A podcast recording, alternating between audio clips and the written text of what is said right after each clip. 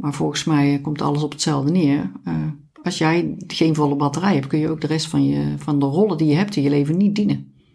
Als we allemaal goed voor onszelf zorgen, dan is iedereen uh, tevreden.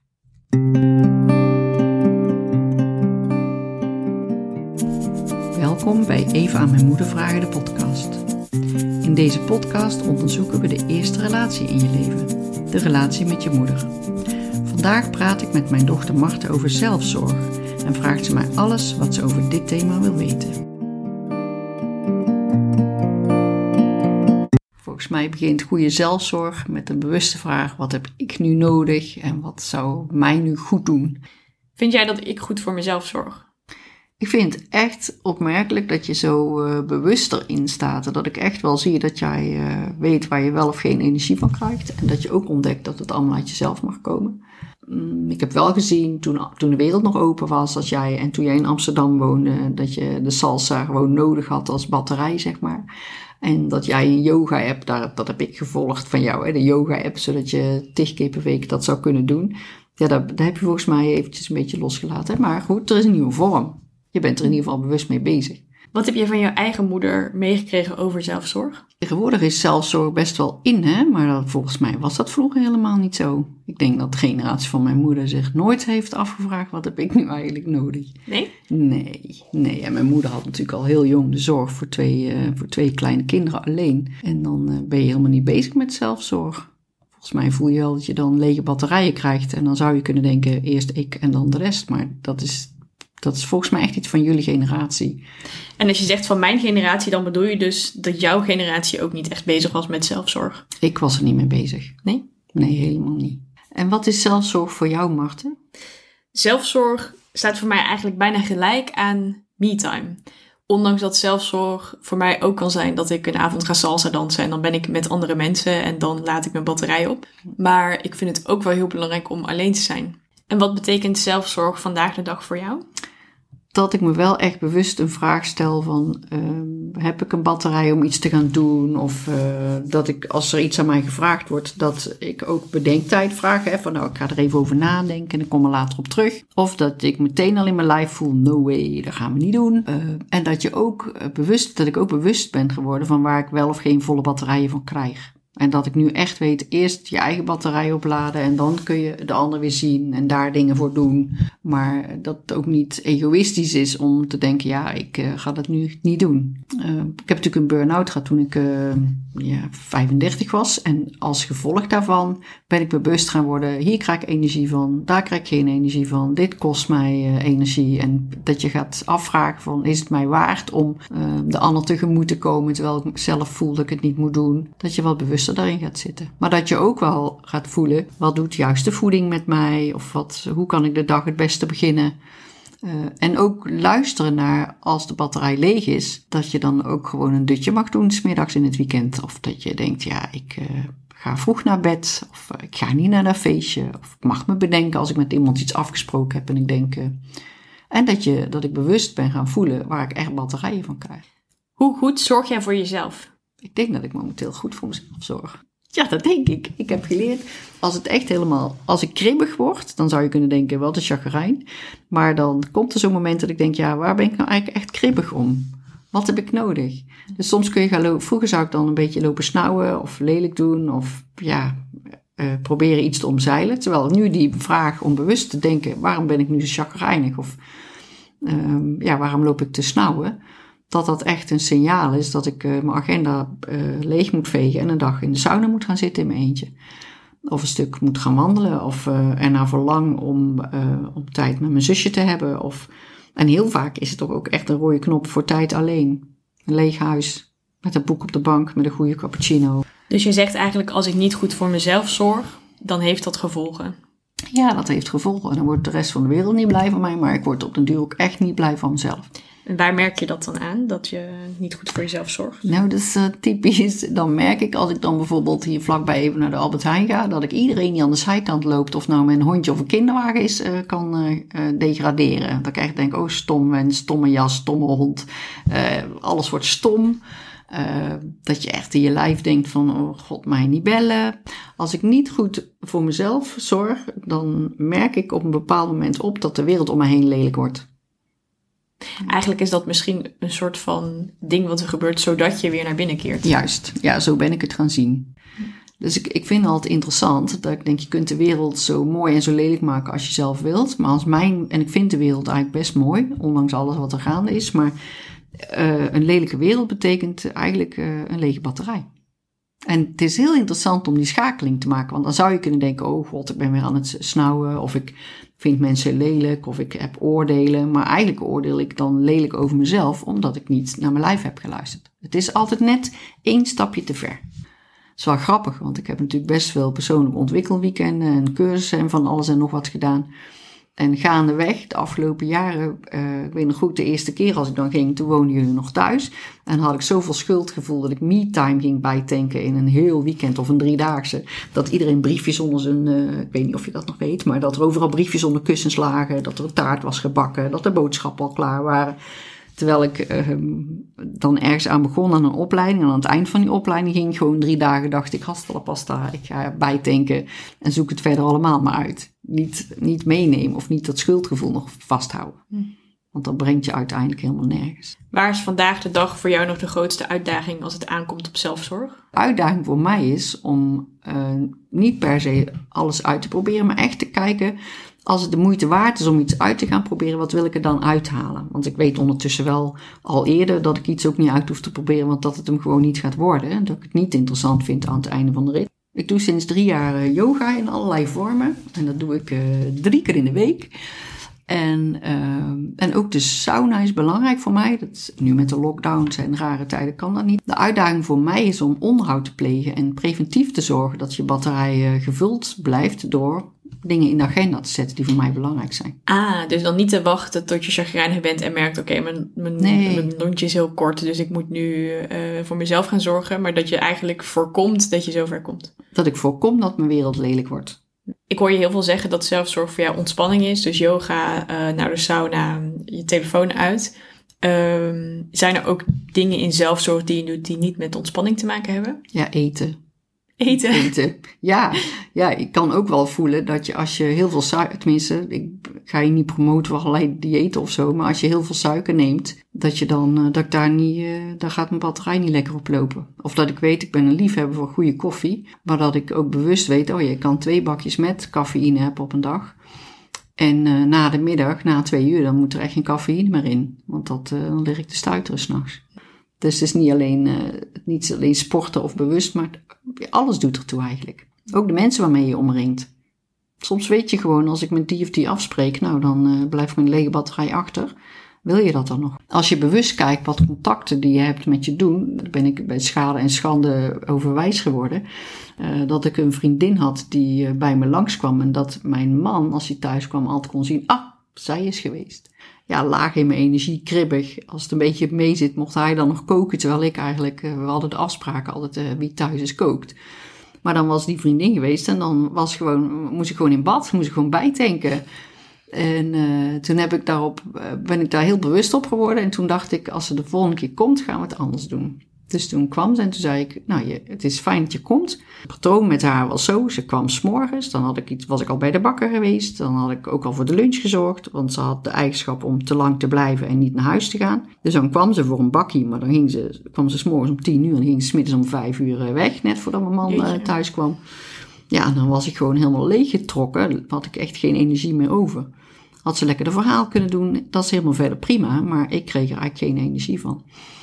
En toen heb ik bewust gekozen om uh, de volgende keer dat ze kwam. Ik merkte vermijdingsgedrag als zij met mij af wilde spreken. Want dan dacht ik, nee, doe maar niet, doe maar niet. En toen dacht ik, ja, waarom niet eigenlijk? Want als je vrienden hebt en je ziet elkaar, dan zou je daarop mogen verheugen. Maar ik merkte dat dat niet het geval was. En toen dacht ik, weet je wat? Ik hoef dat niet op een lullige manier bespreekbaar te maken. Maar toen heb ik gezegd, toen ze de keer erop kwam. Ik vind het hartstikke fijn dat jij hier bent, maar ik ben bewust aan het omgaan met mijn eh, energetische batterij. En voor mij is het belangrijk dat er balans in zit. En ik heb het volgende bedacht.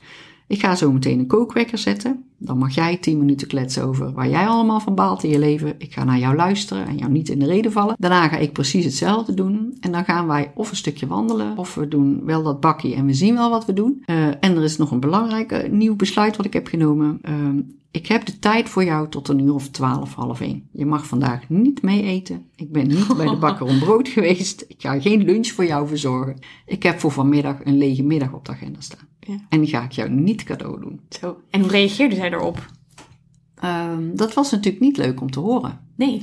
Maar het luchtte mij enorm op. Ik heb het zonder lading gebracht. Ik heb gewoon heel eerlijk gezegd, ik, uh, als vanavond mijn man thuis komt, dan weet hij dat jij langs bent. Normaal weet hij dat jij langs bent geweest, want dan heb ik nog geen energie meer om te koken. Uh, ik wil geen monster van haar maken, hè, want het is, een, uh, het is een wisselwerking tussen twee mensen. Maar ik dacht echt, ja, ik trek dit gewoon niet.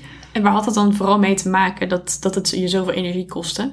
Soms komen er mensen in je buurt die bij jou enorm veel troost vinden, of luisterende oren. Of... Er was een onbalans in geven. Er was een onbalans in nemen en geven, ja. En ik zag haar hartstikke graag en we hadden ook best een geschiedenis met elkaar, maar ik merkte gewoon, ik trek dit gewoon niet meer. Heb je jouw kinderen heel bewust iets wel of niet willen meegeven over zelfzorg? Uh, wat ik wel bewust heb proberen te doen, en ik had in die tijd ook minimale middelen, is om jullie je creativiteit te laten ontdekken. Of dat nou met tekenen was, of schilderen, of knippen, plakken, noem maar op. Volgens mij hebben we altijd heel veel creativiteit ervaren met z'n allen.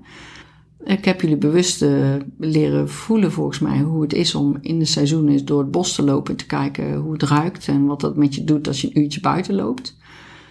Uh, ik herinner me tijden dat jullie je wel eens verveelden. Uh, dat was natuurlijk in de tijd dat er nog geen laptops of, of iPads waren om je kinderen te vermaken. Maar dat was ook echt mijn manier niet. Dus ik heb jullie verhalen voorgelezen. Jullie waren echte leeskinderen, alle drie. En um, ik weet wel, als er dan geklaagd werd, natuurlijk als je naar die puberteit toe gaat, of ook wel eerder van, ik verveel me zo. Dat ik altijd zei, uh, tot ergernis volgens mij, van, uh, nou, als er verveling op is, blijf daar maar gewoon in zitten. Als er verveling op is, komt er vanzelf iets anders. En ik uh, denk wel dat ik jullie dat, ik heb jullie wel bewust soms ook meegegeven dat je niet altijd aan hoeft te staan op televisie, of, maar dat het ook gewoon goed is om stil te zitten en, en een boek te lezen.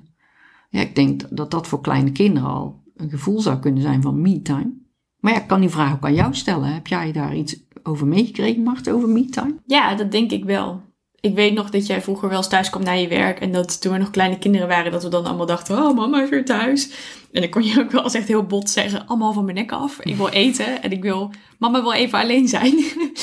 En uh, ik weet nog dat ik, uh, dat ik later dacht van, oh ja, nu, nu snap ik dat wel. Ik ben ook heel dankbaar voor de vakanties die wij vroeger hadden. We hebben de luxe dat jouw tweelingzus in Frankrijk woont. Dus wij waren daar dan altijd drie weken lang in haar huis. En er was gewoon geen entertainment. En niet op een vervelende manier, maar op een manier dat we allemaal ons eigen tasje met boeken meenamen. En dan zat mijn broertje Donald Ducks te lezen en mijn zus Lord of the Rings. En, en dat was gewoon ook, denk ik, zelfzorg. Dat we echt wel eens met z'n allen een uitstapje deden. Maar ik denk dat we dan in die drie weken misschien drie keer per week echt iets deden met het gezin en echt iets leuks. En dat je de rest van de tijd gewoon de rust had om te zwemmen en te ontspannen en te lezen. Ik vind echt sleutel dat je je kinderen meegeeft dat er stilte mag zijn. Ja, en ik denk dat je dat echt wel ja. gedaan hebt. En zeker inderdaad omdat je in die tijd geen telefoons en geen iPads en geen computers had. Speelden wij ook gewoon veel met elkaar of gewoon alleen. En uh, dat is wel iets waarin we dat denk ik hebben meegekregen. En ik weet ook dat wij alle drie, uh, ik, Tess en Bram, zo'n behoefte hebben om alleen te zijn af en toe. Dus dat, uh, dat zit er wel in. En ik denk dat dat heel goed is. Het is misschien niet altijd leuk voor degene met wie dat je samen woont of met wie dat je samen bent. MeTime is voor mij ook uh, het teruggaan en het herontdekken van je fabrieksinstellingen, zoals ik dat dan noem. En dat gaat dan over uh, ja, wat je nou eigenlijk bent en wat je nou eigenlijk doet als er niemand in de ruimte is om iets bij jou te triggeren. Dus we hebben inderdaad volgens mij allemaal vriendinnen waarvan we weten als die langskomen, dan heb ik een soort coachende rol of dan luister ik naar een verhaal of iemand die heel grappig is en dan kom je ook in een soort grappige modus. En voor mij is me-time, dus wie ben ik, wat doe ik, als ik, als ik alleen ben. Toevallig was mijn vriend uh, met de kerst twee weken naar Brazilië, naar zijn familie. Na het eerste logeerpartijtje heb ik de rest afgebeld, omdat ik dacht, ik moet gewoon alleen zijn. En dan merkte ik uh, hoeveel muziek ik eigenlijk luister als ik alleen ben. Of hoe ik s'avonds liever een boek lees dan voor de tv hang. En um, hoe ik liever in de ochtend een rondje wandel in plaats van in de avond. Dat soort dingen, dat zou ik. Ik hoop dat ik dat de rest van mijn leven blijf doen. Dat ik altijd momenten zal vinden dat ik verbinding kan maken met mijn fabrieksinstellingen. Hmm. En dat ik, uh, dat ik de dingen doe waar ik blij van word. En zelfzorg is ook soort van tot rust komen en dan kijken wat heb ik nodig. Je mag iets doen waardoor je in die rust terechtkomt. Of het nou je meditatiekussen of je yogamat of je rondje buiten is. Volgens mij is dat voor iedereen iets anders. Maar dat je juist bewust bent dat je daar zelf eh, mee aan de knoppen kunt draaien als je dat meer of minder nodig hebt. En dat je van daaruit, als je dan je eigen rustpunt weer gevonden hebt, je ook echt opnieuw tot de ander kan verhouden. Hoe is zelfzorg voor jou door de jaren heen ontwikkeld?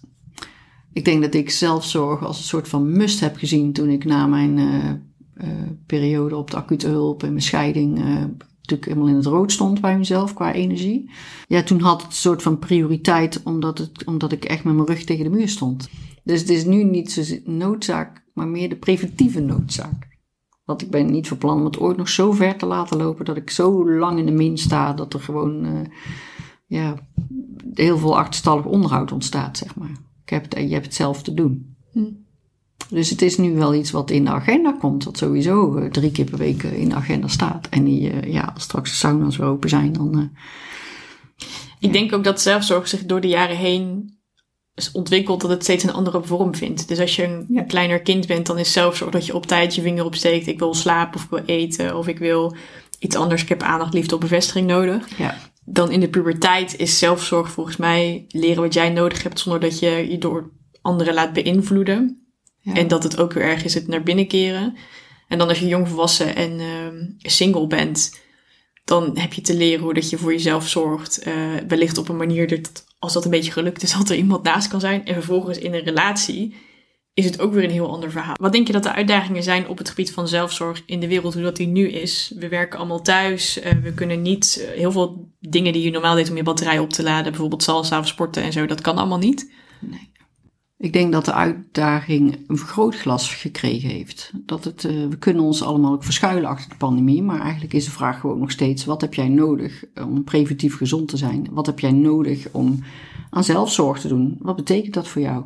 Je kunt als een soort oeverloos, uh, oeverloze uh, put, Bermuda-driehoek van Netflix, overdoses aan films, aan digitale afleiding uh, gaan zitten met je bakje chips. Maar je kunt, nu wordt je nog meer uitgedaagd om te kijken wat werkt wel voor mij met alle beperkingen die er zijn. De frisse lucht is er nog steeds. We kunnen stukjes fietsen lopen. We kunnen buiten yoga doen. We kunnen, er is nog heel veel wat wel kan. Ja. Uh, en ik denk dat uh, ja, nog steeds de uitdaging is niet naar buiten, maar naar binnen. Letterlijk naar binnen. Niet alleen in je huis, maar ook naar binnen. En dan weer die vraag stellen, ja, wat kan er nu wel? Ik denk dat de uitdaging voor moeders is dat je uh, ook in deze tijden kijkt, wat heb jij nodig? Om eerst voor jezelf en dan voor je gezin te zorgen. Ik zou willen zeggen, ik zie toch vaak dat moeders een soort thermometer zijn voor het gezin. Als je jonge kinderen hebt, heb je heel goed in de gaten hoe het gaat met iedereen. Ja, pak eens rust. Hoe kun je als moeder de baken blijven? Alleen maar als je eigen batterij gevuld is, maar ook alleen maar als je eigen rust kunt voelen. Ja, en dan vind ik toch een uitdaging. Ik zie dat het een uitdaging is. Maar volgens mij komt alles op hetzelfde neer. Uh, als jij geen volle batterij hebt, kun je ook de rest van, je, van de rollen die je hebt in je leven niet dienen. Als we allemaal goed voor onszelf zorgen, dan is iedereen uh, tevreden. Bedankt voor het luisteren naar Even aan mijn moeder vragen de podcast. Wil je meer weten over ons? Ga dan naar www.evenaanmijnmoedervragen.com of volg ons op Instagram. Tot gauw!